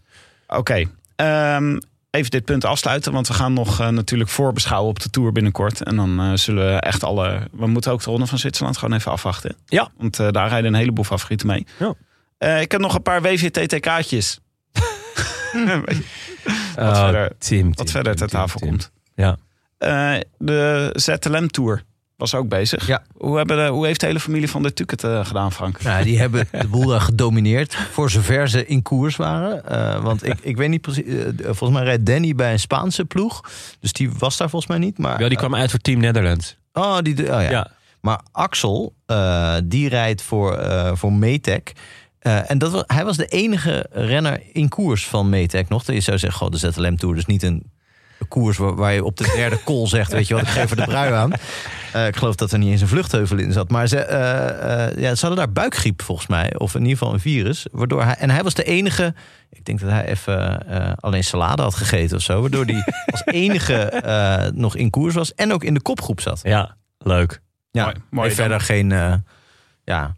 Maar Nou het is voor, voor het eh, van der Tukse wielrennen is het natuurlijk heel goed. En voor iedere keer als ik die naam zie. En ik krijg dus nu regelmatig berichten op Twitter van mensen. Ja? Als er iets met een van der Tuk aan de hand is, dan word ik ingeseind. Alsof dat zeg maar, Ja. mijn verdienste is. Je bent gewoon van de Tuuk-watcher. Ja, Ja, maar je hebt iets met wielerdynastie, hè? Dus het zijn of de Kopekki's of de Van der Tuuks die Ja. je volgt. En dat zijn er dan gelijk een heleboel. ik, is- Ja, maar um, Kopecky was ook weer die, die eh, Thomas Kopecky. Mike, ik kijk naar jou. Ja, Thomas mij. Ja, die is eh achtste geworden. Ja, waar ook weer? ZLM. Ook ZLM, ja. Ja. jeetje. Ja, Dan komen alle, alle, dynastieën komen bij elkaar. You know nothing, samen. Frank Heijnen. Mijn god, Misschien ja. moeten we net als in Game of Thrones moeten we het House van der Tuuk gaan noemen. Axel Ja. of House van der Tuuk. Ja, House van der Tuk en eh, House Kopecky. Ja, ik vind het gewoon ook heel fijn aan de naam van de Tuk. En House Dus Hausler. Het komt van natuurlijk van Donny van de Beek. Maar dat je dan gewoon... Axel van der Tuk. Van der. Axel Iedere keer der als die naam langskomt. Bij Kopecky heb ik nog, nog, nog niet zoiets. Maar misschien dat mensen Ja. iets kunnen insturen. Ja, een strijdlied. Een strijdlied kunnen inzingen. Kopecky. Dat is toch wel Kopecky? Ik verzin het niet. Dat is mooi. Eh, ja, goed. Nog wel even een, eh een Mooi goede blik erbij ook. Een honorable mention voor Olaf Kooi. Want die heeft wel echt de boel helemaal op een hoopje gereden daar in, eh, in de ZLM Tour. Ja, Ja. Eindklassement gewoon gewonnen. Hè? Dat is Ja, eh, in een drie etappes of iets dergelijks. drie keer Vijf eerste en twee keer tweede, volgens Ja. mij. Insane. nou, dan, eh, dan, Jammer voor Jacob. Maresco wel. Want Ja. Dat is denk ik de enige koers waar hij... eh, Hij had ook een etappe gewonnen, toch? Ja. Totdat, totdat hij uit koers werd gehaald. Omdat hij eh, had iemand afgesno- afgesneden. Ja, maar je kon ook, als ik die eh, sprint zag, kon je eigenlijk niet, niet iemand afsnijden. Want dat was Nee, het, sloeg ook nergens op hoor, vond ik dat hij... looping moest Ja. je dan nog sprinten. En uiteindelijk won hij er toch nog één, toch Maresco, of niet? Of ben ik erbij? Nadat hij het koers was. Ja. ja, dat dacht ik wel. Zo gaat dit. Maar hoe bedoel je dat? Nou, dat hij toch nog een etappe had gewonnen. Hij heeft er één Ja, gewonnen. hij heeft één gewonnen. Ja, ja, ja, ja. Maar nadat hij uit koers is gehaald. Ja, hij is één keer uit koers gehaald. En, maar de, nee, ja, de, dus teruggezet. Hij was ge- teruggezet. Dus hij, hij mocht nog wel blijven. Het was een beetje. Je, je- hij was eh, nou ja, eruit gestuurd, maar niet geschorst. Nee, hij ja, moest op- de naughty spot. Maar moest met ezelsoren in de hoek staan. Ja, ja. Over Ja, ezelsoren in de hoek staan gesproken. Hoe is het met Gianni Vermeers? Ja, Johnny Vermeers. Hebben jullie dat gezien? nee? Johnny Vermeers does what Johnny Vermeers does best. Had iemand er weer een Johnny Vermeers is officieel found van de show. Eh, vrijwel iedereen, elke wielrenner die hier komt, eh, zegt off the record dat het echt een zeldzame zak hooi is. Eh, Jos van Emden zegt het zelfs on the record. Die is een keer echt gigantisch door hem van de fiets gereden met allerlei gebroken ribben ten gevolg. En even kijken, dan moet ik, weet ik even niet precies welke koers. Was, was het de Elfstedenronde? Die Oscar Riesebeek won? Eh, nee, dwars tot ik. Dwars door het Hageland, ja. Dwars door het Hageland. Won Oscar Riesebeek. Eh, mooie koers trouwens. Eh, werd de Strade Bianca van, van België genoemd. Dat ben ik niet helemaal mee eens. Maar wel onverharde stroken. Nou, superleuke koers. Lotto deed het allemaal heel slecht. want die zaten met een groepje vooruit, maar het bleef niet weg. Nou ja. Vervolgens Oscar Riesebeek rijdt weg. Uit, eh, het kwam weer bij elkaar. Riesebeek rijdt op een, nou niet heel ver van de streep. Ik denk kilometer of acht of zo eh, rijdt hij weg Ploeggenoot van Vermeers. ploeggenoot van Vermeers. Daarachter wordt op eh Riesebeek gejaagd. Niet heel goed georganiseerd. En op een gegeven moment wordt er gejaagd. En ik denk, ja, de organisatie is weer, weer terug. Was het gewoon Johnny Vermeers die aan het achtervolgen was? Op zijn eigen ploeggenoot. Ik denk, hé, wat, wat is hij nou aan het doen? En ik denk, is hij nou aan het afstoppen? Is hij, is hij tempo aan het, aan, het, aan het drukken? Nee, hij nam gewoon over. En ehm, er was, was uh, ik weet niet, iemand van Quickstep, Seneschal, die zat er ook maar na. ging uh, een beetje kop over kop. En ze komen er gewoon bijna bij. In de laatste bocht, dat, uh, Riesbeek die keek ook om en die dacht, oh chill, dat is mijn ploeggenoot. Toen dacht hij, oeh, hij komt wel heel hard. en vervolgens wint uiteindelijk Riesbeek met echt maar, nou, ik denk, ik denk een meter of veertig verschil of zo. En je ziet Vermeers slaan op zijn, op zijn stuur. En ineens denkt hij, oh shit, dit kan ik echt niet maken. Dus hij slaat één, anderhalf keer. En ineens doet hij zo heel slecht zo'n duimpje omhoog. naar Riesebeek. Ja. Dat ik echt denk, dit, dit heeft toch iedereen gezien? Wat goed. Wat een mafkees. Ah, het, het, commentaar van Vermeers na afloop was... ik ben super blij voor Oscar. Hij is met goede conditie uit de Giro gekomen. Maar ik had vandaag ook zeer goede benen. Ja. Benen om te winnen. ja. Nou, ja, ja. Ja, het is ja, ik werk niet, zeg maar, ik heb niet echt uh, uh, intensieve collega's. Dus ik werk niet op een kantoor of op een redactie. Ja, wij zo. zijn toch collega's? Ja, ja. Uh, jij gunt mij toch alles behalve je salaris? Ja, maar ik, ik, ik kan me ook voorstellen, als jij mensen kunnen dit niet zien, maar als jij een hele goede grap maakt, dan sta, zit ik ook wel eens zo enorm zo op tafel te rammen. En dan denk ja, jezus, ik, als, ik hem, als ik hem voorzet, wil ik hem eigenlijk zelf inkoppen. Ja, en dan ja nee, dat snap jij ik er wel. zo voor. Ja, nee, dat snap ik wel. En uh, nou ja, dat, dat, dus dat komt denk ik in de beste uh, samenwerkingen voor. Alleen bij Johnny Vermeers telt het misschien een keer op, langzamerhand. Want wij, ik sla jou ja, zelden op, op, op, je hoofd. Nee, nee, nee. nee. Dus, nee ja, het is, was echt... Um... Had hij niet ook ruzie met Evenepoel Vermeers vorig jaar? Ja, ja, zeker. Ja. In principe met iedereen heeft hij wel, uh, wel ruzie gehad uh, al in het... Uh, Zullen we een keer uitnodigen? Lijkt mij heerlijk. Ja, ga me een keer toespreken. Jongen, wat ben je nou aan het doen? Nee, ja, gewoon voeden. Voeden? Ja, want uh, of ik bedoel, heel veel mensen. Kan je een keer voor ons? Ja, ja. ja. en heel veel mensen die hier komen. Nog met Nibali binnenkort. Ja. nee, maar heel veel mensen die hier komen, die dan vragen van, heb je nog vijanden? En dan zegt ze altijd vrij politiek correct nee, nee, nee. Uh, want we zijn toch wel op zoek naar vijanden van de show. Maar ik denk als we aan Johnny vragen van, heb jij nog vijanden? dat hij dan gewoon volle bak gaat. Ja, ja dan, gewoon zo'n zo'n heel zwart boekje ja, tevoorschijn haalt. Van, nou ja, ja. Uh, zullen, we, zullen we alfabetisch oppakken? en dan hop, gewoon uh, heb je even. En dan gewoon een aflevering van 2,5 uur. Maar ik vind het sneu als we nu Vermeers noemen en Molano onvermoed. On, ja. ja, want die gaf echt iemand een klap. Die ja. probeerde echt iemand te vermoorden. Dat was ja. uh, andere koek. Want ze gingen volgens mij vrij 70. hard. Ja. Uh, en hij dacht, weet je wat, ik sla iemand. Ja. Een jongen van 20. Niet dat, niet dat het er, minder erg is als hij 30 was geweest, maar... Nee, ja. Er mag ook niks meer, hè, Frank? het is ook... ja. Nee, ja. Het was ook echt heel raar, toch? Ja, dus ik vond het echt een, een heel bizarre move. Ik heb ook de toedracht verder ook helemaal niet over gelezen. Dat, ik heb het alleen maar een hele hoop keer gezien. Ja, van uh, die, die knokpartij. Ja. Ja. ja, er staat dan de hele tijd bij... Molano staat bekend als een driftkikker. Denk ik. Oh ja, in dat geval. Dat is wel lekker. Ja, eh, Dat is wel lekker. Als je, het gewoon hele- dat je iemand slaat en dan... Ja, ik, sta gewoon, ik ben, gewoon een driftkikker. Ik ben gewoon een driftkikker, jongens. Eh, hallo. Je hebt vlierenfluiters. Hey, je hebt driftkikkers. Moeten we Nou, volgende keer eens aan Benja vragen hoe dat zit met die driftkikkers. Ehm, Oké, dan ga ik nu subtiel naar de voorspelbokaal jingle toe praten. Ja, subtiel. Lang Heel genoeg? subtiel. Heel subtiel, ja, ja. ja. Oké. Schitterend.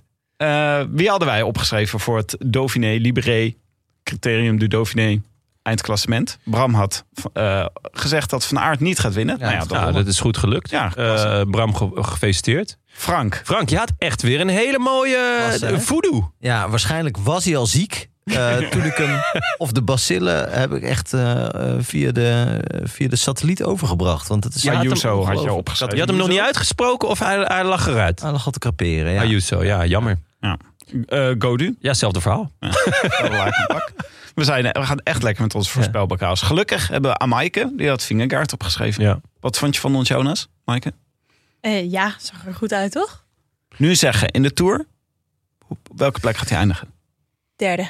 Oeh. Roglic? Daaronder. Oh, Oh. Ja, wow. Ik ben echt benieuwd wie er tweede gaat Ik eindigen. ben ook wel benieuwd wie de tweede gaat eindigen dan volgens jou. Nou, je hoeft het niet te zeggen hoor. Je hoeft niet te zeggen, nee. eh, Je moest alleen nummer drie. Ja, nee, is Ja. goed. Ja, mooi. Nee, oké. Mooi. Nee, Spannend. horen we nog wel. Vol verwachting klopt ons hart. Ja, het moet een Sloveen zijn, dus... eh, Mooi. Hadden we nog iemand die het in zijn hoofd had gehaald dat Roglic hier zou gaan winnen? Eh, ja, een aantal wel eigenlijk. Oh. Eh, waaronder onze groen- goede vriend Paling. Paling. Wat leuk. Ik weet niet of hij ooit de voorspelbokaal heeft gewonnen. Ik moet haast wel, toch? Nou, Paling, jij krijgt van ons eeuwigdurend opscheprecht op je LinkedIn-pagina. Je mag iemand de groetjes doen. Eh, en Willem, natuurlijk. Ik kijk enorm uit naar de groetjes van Paling. Want je weet hoe die gaat beginnen. nou, Ha, mannen. Paling hier. kan je de groetjes eh, ons doen toekomen via de site derodelantaarnpodcast.nl of via post.derodelantaarnpodcast.nl. Ehm hebben wij nog groetjes van vorige keer? Hebben we die nog nodig? Nee, Nee. lag Nee. niks op de Nou, plank. Nou, dan doen we Oh, niks. Wauw, we zijn gewoon helemaal bij. Dan gaan we even naar Sick. Mijn favoriete onderdeel, namelijk de post. De post, de post. Wat brengt vandaag de post? Maaike, zat er nog iets bij eh, in onze brievenbus? In onze anonieme postbus? Er zat zeker iets in de postbus. Waaronder ook wel wat vragen over Podimo, vriend van de show, advertenties. Ja, En klachten ook wel. Klachten? klachten. Boze, Over- over Frank? Boze hordes. Nee, mensen die zeggen van hoe zit dat nou eigenlijk? Ja, dan ga ik, eh, moet ik Podemo van jullie nemen. En dan kan ik Roland Lantaarn wel gewoon nog overal luisteren. En eh, waar doe ik het eigenlijk allemaal voor? Waarheen? Oh. Waartoe? Nou, verklaar je nader, Tim. Jij, eh, jij weet dit. nou, het belangrijkste is, de Rode Lantaarn verschijnt dus niet achter de paywall op Podemo. Is wel gewoon te beluisteren via Podemo. Maar hij is overal te beluisteren. Ja. En dat kan door onze fantastische sponsoren natuurlijk. Maar vooral ook door onze vrienden van de show.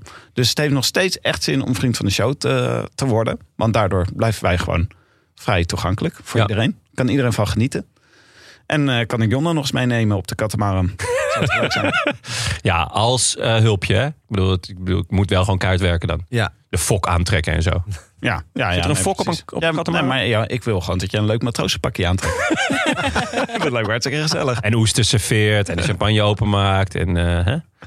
Maar de Rode Lantaarn blijft dus gewoon gratis eh, en voor iedereen. En dat is met dank aan de vrienden van de show. Daardoor kunnen we hem gratis en voor iedereen blijven maken. Ja, en ook, Ja. Wel, ook wel door sponsoren dus. Dus Ja. vandaar de reclameblokjes. Oh, die, ja. die, die zitten er dan wel in. Ja, want Ja. we krijgen ook vragen over dat er ergens middenin ineens een reclame voor Poddenbouw begint. Eh, ja, dat is, eh, wij waren nog niet helemaal zo georganiseerd. Dat we ook reclames hadden voor opgenomen reclames in de podcast. Maar die hadden we dus wel even nodig. Dus nu zit ze ergens plomp verloren middenin. Ja, god. Ja, Ergens van eh, moet schoorsteen roken, hè jongens? ja we moeten Frank Heijnen Ja. kunnen betalen. ja, dus- als ik maar niet onderbroken word, denk ik. van- Ja, want dit, die reclames zitten wel alleen in stukken waar jij praat, toch Tim? Eh, ja, dat is in principe daarop geselecteerd. Oké, Die nee, dan is het achtervolgt goed. me als een drone. maar gewoon op mij gelokt. Ja, dan is het goed. Dan, eh, Nou, Tim, als jij dan nu even het woord wil nemen, dan kunnen we even een reclame doen. En nee, eh, ja, oké. Eh Maaike, verder zit er nog iets in de, in de, in de postbus? Ehm, ja, Thijs de Jong, die eh, mailde ons. Ehm, Schitterende mail. eh, heel mooi. Ik, zal ik hem gewoon voorlezen? Waar de favoriete bankzitters van de Rode Lantaarn. Na afgelopen zondag te zijn afgetroefd door Frank op het Op het NK wielerquiz ja. Ja, van chapeau. Het is Koers in Utrecht bevind ik me in een diepe existentiële crisis. Daarom besluit ik afgelopen week het peloton en ik in filosofie van de mens in de massa van Guillaume Martin te lezen. Hoewel Martin de filosofische diepzinnigheid van Teuns geen zins evenaart, levert het boek veel interessante perspectieven op voor het theoretisch kader. Je zou zelfs bijna kunnen spreken van een ontologie van de wielersport. Zo vond ik er zelf een mogelijk prisma in waaruit de gelo- het geloofslicht van het dualisme allicht weer kan opflakkeren. Deze zielenroerselen heb ik voor mezelf onder woorden gebracht in de irrationele hoop dat mijn bezwering door in de ether bij Tom resoneert. Graag deel ik die met jullie, dus hierbij. Met hemonistische koersgoed, Herme- Thijs. hermeneutische koers. Hermeneutische, wat is dat? Eh, de- voor alle moeilijke woorden kijken we naar Frank. Dus we beginnen bij ontologisch. Ja. Frank. Ja, het is misschien leuk om, eh, om, om te zeggen dat ik hier echt de hele, het hele weekend ook weer een beetje ben teruggeworpen op alle woorden waar ik een beetje van in de war raak. Er zijn best wel veel woorden die ik denk te kennen, Ja. waar, waar ik enig verstand van denk te hebben. Zowel ontologisch als hermeneutisch zijn in mijn leven regelmatig de revue gepasseerd. Ik lees ook nog wel steeds wel artikelen waar de woorden in voorkomen. Ik ga dat van zweten. En ik denk altijd, ja, eh, ik ben ergens, eh, heb, ik een, ben, heb ik een keer een college gemist waar iedereen was en ik niet. Eh, en dat, dat is een achterstand die loop je niet meer in. Sommige mensen hebben dat met minder belangrijke dingen. Ik heb dat dan met ontologisch en hermeneutisch. Dus ja, ik, ik moet dan altijd iets anders gaan doen. Ja. Dus ik moet dan acuut stoppen met lezen. Om, om mijn zelfvertrouwen ergens anders op te krikken. Hermeneutisch is verklarend. Ja. Ehm, en, Dat dan. eh, ja, dat, dat zoek ik zojuist op. Eh, en Thijs heeft dus nog, behalve dit, dit mailtje, een, een epistool geschreven. Een schitterend epistel. Ehm, met zijn theorie. Ja, de irrationele hoop, toch? Eh, geloof het wel. Ja, ze, de, eh, Dus ik ga even Niet. Thijs om toestemming vragen dat op vriend van de show te plaatsen. Dan kan iedereen het daar nalezen. Sowieso, eh, ik ben ook bezig in het boek van eh, Guillaume Martin. Het is, eh, ja, het is erg filosofisch, maar het is wel genieten. Heeft het jou al inzichten opgeleverd? Ehm, ja, en het meeste wist ik natuurlijk al wel. Ja, natuurlijk, Jonne. Maar eh, nee, ja, ik, ik, vind, eh, eh, ik vind het sowieso heel interessant om na te denken over de, positie van, van het individu ten opzichte van de groep. En hij, hij gebruikt daar wielrennen voor. En eigenlijk ook wat we dus net bespraken met Gianni Vermeers, die dus echt heel graag zelf wou winnen een paar dagen geleden. Ehm, maar een ploeggenoot ziet winnen. En 9 van de 10 mensen zeggen, nou ja, het is fantastisch, ploeggenoot, geweldig, weet ik veel wat. Terwijl Guillaume Martin zegt, ik ben wel blij, maar ik ben toch wel echt een heel stuk blijer als ik gewoon zelf had gewonnen. En daar, we kunnen daar heel erg schijnheilig over gaan doen, maar dat, ja, dan, dan ontken je eigenlijk eh, eh, het karakter van de, de topsporter. En dat, Ja. dat is, vind ik, ja, Ik snap dat. En ik denk ook dat het met wielrennen nog even net iets erger is. Dan, want als je dus als Ajax wint, maar je hebt zelf niet gescoord... Ja. ja, is nog tot... Ja, dat kan win nog je tot echt samen. Ja. Dan win je echt samen. Maar je rijdt toch eigenlijk in het wielrennen alleen maar voor de sponsor. Omdat die ploegen de hele tijd weer Nou ja, eh, is- verdwijnen... en weer nieuwe sponsorploegen opkomen. Ja, en, en het raakt gewoon de, de, de kern van, van, de, van de wielersport. Namelijk dat het een individuele teamsport is. En dat, dat is wat in mijn ogen eh, wielrennen meteen al interessant maakt. En verwarrend ook voor En verwarrend, ja, zeker. Van, is het nou een teamsport of is het een, eh, een individuele sport? Want Chris Froome heeft de Tour gewonnen, niet... eh, Kirienka. ja, inderdaad. Ja. Terwijl, die, terwijl als je gaat vragen van ja, wie domineerde er die jaren? Ja, dat was dan Ineos. Maar ja, uiteindelijk staat Froome altijd op het, op het, op het eindpodium. En niet, niet eh, inderdaad Kirienka of, of Toch- eh, een van die andere Toch mannen. geloof ik dat wat Martin zegt, dat het voor heel veel topsporters geldt. Maar dat er ook echt, zoals bijvoorbeeld Verona won dit weekend een eh, Ja. rit in de Dauphiné. Dat er ook echt renners zijn die volledig altruïstisch eh, Ja. functie hebben. Omdat ze weten dat dat hun de manier is om te overleven als Ja. prof. Je kan dus een, een matige winnaar zijn of een hele goede knecht. Ja. Dus het is, kun je, je kan ook zeg maar dat altruïsme bij jezelf afdwingen. Eh, en daardoor dus echt eh, alleen maar in dienst van rijden. En daar dus echt al je bevrediging en al je dingen uithalen. Ja. Maar als je, zoals Martin, een beetje tegen de top aanhangt. Dan, is dat, eh, dan kun je ook niet meer terug, denk ik. Dan kan je niet zeggen, oké, nu word ik knecht voor, eh Ja. voor Pogacar. Nee. Want je hebt al geproefd aan zelf winnen. Ja. Waarom was Verona een voorbeeld van altruïstische wielrenner? Nou, Omdat omdat, hij hij, hij nooit won voor het eerst. eh, en hij is 13 jaar prof. Dit is volgens mij zijn 13e jaar als prof. Hij won voor het eerst. En hij zei, eh, hij heeft het wel vaak geprobeerd, dus hij valt ook wel aan. Het is niet iemand die niet probeert om te winnen. Maar, maar het is wel iemand die eh, eh, altijd bij grote ploegen echt in dienst heeft gereden. Dus bij Quickstep en eh, volgens mij bij Bike Exchange of hoe dat toen heette. Eh Green Edge misschien. En, eh, en nu bij, eh, bij Movistar een paar jaar. Eh, en ik denk dat dat iemand is die heel erg, eh, die ook prima eh, zijn carrière had kunnen afsluiten zonder ooit te winnen. En dan echt volledig tevreden en gelukkig, zonder, zonder enige bijgedachte. Terwijl dat natuurlijk eigenlijk ver van de topsportgedachte is. Namelijk, als je zelf nooit wint. Dan kan je eigenlijk zeggen, als je nooit wint, waarom stop je er niet mee? Ja. Maar- Doe me een beetje aan Koen Bouwman denken als je dit zo omschrijft. Ja, bij Koen Ja. Bouwman is natuurlijk het rare dat hij nu soort van omhoog gevallen, om het maar onaardig te zeggen, is. Wel onaardig, ja. Eh, maar ja. ontologisch juist. Eh, maar laat me even dit hermeneutiseren. Eh, ik, denk, ik vraag me af of zo iemand dan zeg maar, met een soort nieuwe status de rest van zijn carrière. of dat hij gewoon accepteert dat hij, dat hij een keer zo dit fantastische gepresteerd heeft. En dat hij dan weer terug kan in zijn Ja. rol als knecht. Dat is ook wel fascinerend aan wielrennen. Dat sommige mensen echt de oversteek maken van knecht naar kopman of terug. Eh, maar dat, best wel, dat dat best wel tot verwarring kan leiden. Om, waar we het over hadden, over hiërarchie in een ploeg. Dat je die niet zomaar kan omgooien, volgens mij. Ja, ehm, helemaal mee eens. Ja. Ja. Ehm, ik heb nog één zin uit, uit het epistel die ik graag voor wou dragen, zodat mensen het echt gaan lezen op eh, eh, Vriend van de Show. Het gaat namelijk over Dumoulin en over zijn twijfel. En hij zegt: Dumoulins relativistische gedachtegoed leidt tot een nihilistische zelftwijfel. Hij ontkent de metafysische absurditeit van het bestaan aan zich.